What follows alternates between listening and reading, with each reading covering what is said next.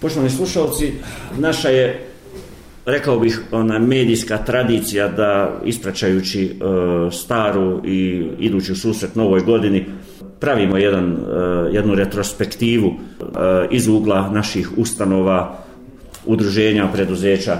E, tim povodom e, danas smo u e, našoj javnoj zdravstvenoj ustanovi Banjsko-rekreativni centar, ovdje u kancelariji doktora Senada Selimovića koji je, evo, e, tokom ove godine ili veći dio ove godine e, bio na dužnosti direktora ove naše ustanove i svakako je u tom kontekstu najkompetentniji da e, damo jedan osvrt na ovo vrijeme koje je iza nas.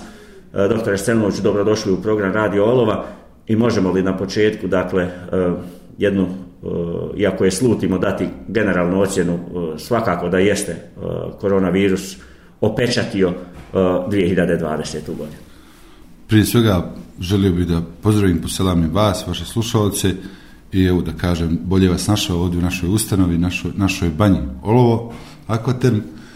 Pa eto, što se tiče te 2020. godine, ono, sve su češći nekakvi komentari koje ja čujem, da Bog da se ne ponovila više nikad.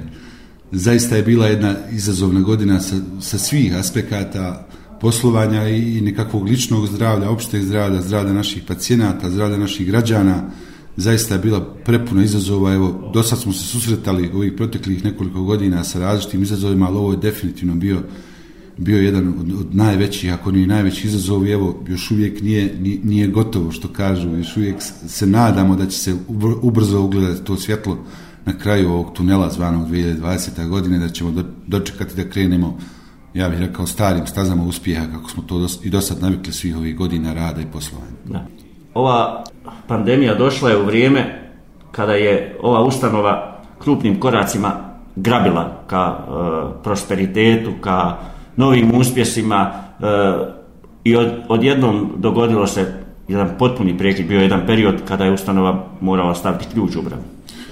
Pa da, bila je ta zabrana rada, mi smo 22. marta E, ove godine prestali potpuno sa radom, a prvog šestog smo ponovo počeli sa radom, znači sa radom sa, sa pacijentima, znači to su neka dva i po mjeseca potpunog prekida rada bez jednog pacijenta u našoj ustanovi, što je nezapamćeno, znači još, još od, od perioda, znači prvi početaka, znači apsolutno ni jedan pacijent, ali eto u tim uslovima pandemije i tog straha od novog virusa, od, od, od smrtnosti usled, usled oboljevanja, zaista je to je bila jedna logična reakcija jer nismo, niko nije na ovom svijetu znao s čime se susrećemo, tako da definitivno je to odigralo ulogu jel, u, u saču, sačuvanju zdravlja i, i, i života naših, naših ljudi, naših sugrađana, tako da to je nešto što se moralo i mi to tako prihvatamo.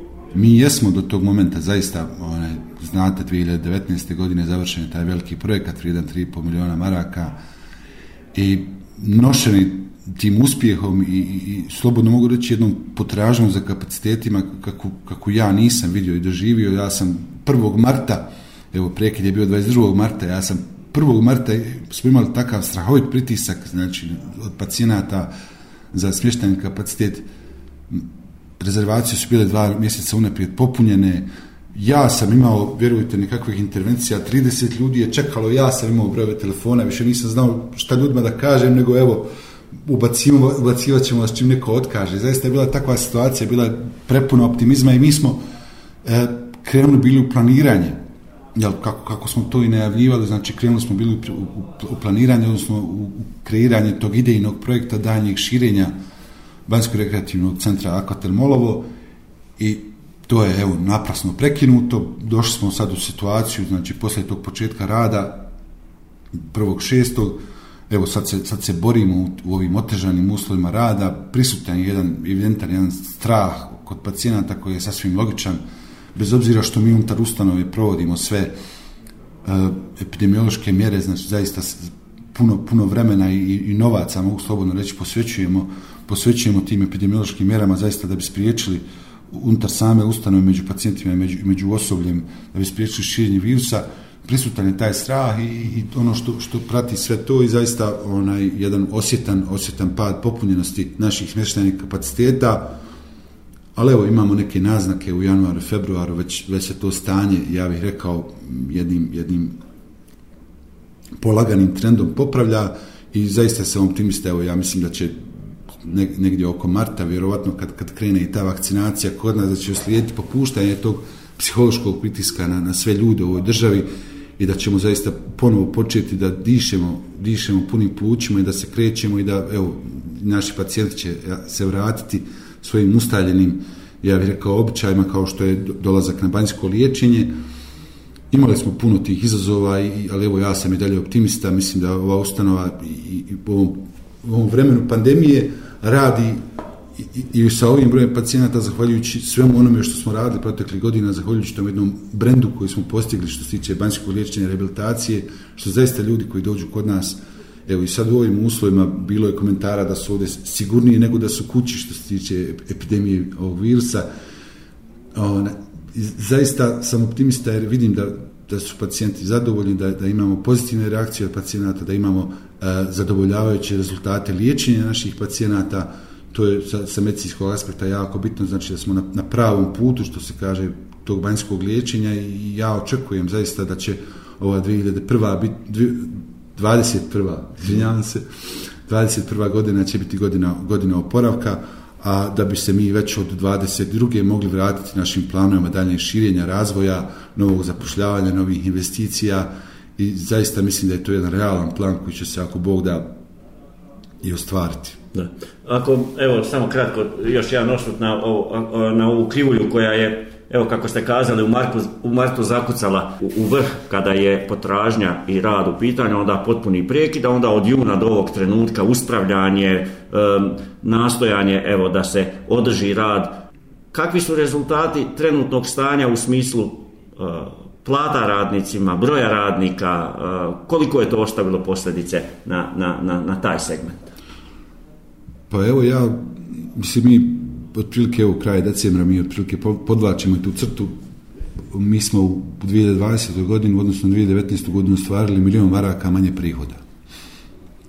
E, to je to je ono što je činjenice, to je ono što je fakti, to je direktan rezultat jel, tih mjeseca nerada, odnosno ovih mjeseci u kojima slabije radimo, u kojima su slabije popunjeni. Mi smo uspjeli e, znači u ovom periodu od 1.6. do 31.12. uspjeli smo da održimo taj puni broj radnika i evo trenutno je 89 čini mi se radnika koji su, koji su u ustanovi. Po, s obzirom na, na nešto slabiju projekciju popunjenosti u januaru, čini mi se, onaj, mislim da ćemo biti prinuđeni da jednim dijelom smanjimo broj radnika kako bi smanjili to opterećenje e, sa troškovne strane ustanove kako bi obezbijedili njenu likvidnost zaista moramo u ovim momentima da pazimo da, da očuvamo samu ustanovu da ne, da ne e, ugrozimo njen opstanak dugoročno njeno opterećenje sa velikim dugovima sa velikim troškovima i stoga postupamo oprezno i mislim da će par radnika e, da tako kažem kojima ističe ugovor sa 31.12. mislim da će ostati bez posla ali evo ja se nadam već februaru ili, ili najkasnije u martu da će ti radnici biti vraćeni. Sa svim tim radnicima obavljeni razgovor, sa svim tim radnicima smo rekli znači da, da ono što, što je meni posebno bitno i što mi je drago, da zaista to, taj, taj postupak koji, koji će se uraditi od, od prvog, prvog naredne godine, znači nije rezultat njihovog nerada, nije rezultat njihovog nezalaganja, nego jednostavno način kako da se troškovi smanje, kako da se uh, sačuva likvidnost ustanove i ne ugrozi njen daljni opstanak i ljudi su to shvatili, ja, ja vjerujem većim dijelom, mada jel, uvijek onaj koji odlazi ne može biti zadovoljen, ne može biti sretan, ali evo ja i ovim putem mi se obraćam i zaista, zaista onaj, e, želio bi da je poručim tim ljudima da ćemo vrlo, vrlo brzo da, da, da vratimo te ljude i da ćemo se vrlo, vrlo brzo vratiti ako Bog da u ovoj narednoj godini na, na stare staze što se tiče poslovanja, što se tiče popunjenosti i kao što sam rekao i planovima za budućnost koji su definitivni i izvjesni i slijedit će ako Bog da poslije ovog perioda. Dijeleći vaše nade, evo, e, želeći da se obistine ove vaše prognoze, ostaje nam evo e, završna poruka našim slušalcima čestitka novogodišnja. Pa evo, želio bih da zaista poželim 2021. godinu sretno sretnu svim vašim slušalcima, svim, svim našim građanima Olova i svima onima koji slušaju vaš radio, koji nisu sa teritorije opštine Olovo. I da zaista poželim da ova narodna godina bude, bude sretna i da, da, da se što prije vratimo na, na neko normalnost, normalan način života, neko normalno stanje. I zaista evo poručio bih još jednom i, i našim građanima da se, da se čuvaju jer ova situacija sa pandemijom još uvijek nije gotova, znači mi smo, još uvijek nismo nismo na tom, na tom, stanju, na tom nivou imuniteta, znači ni, ni kroz vakcinaciju, ni kroz ovaj imunitet stečeni nakon priboljevanja, znači zaista još uvijek moramo da se pazimo, da se čuvamo zbog našeg zdravlja, zbog zdravlja naših starih ukućana, čuvajte se, pazite se, a ovo će vrlo brzo biti gotovo. Želim vam sretnu i uspješnu 2021. godinu. E, hvala poštovani slušalci. E, gost e, u programu Radio Olova bio je dr. Sena Selimović najveći dio godine e, ove o kojoj smo govorili, koja je bila tema našeg razgovora, bio je direktor ove ustanove, sada je zamjenik e, direktora u ovoj ustanovi. Hvala vam na vremenu koje ste odvojili i govorili za program našeg radija. Hvala vam.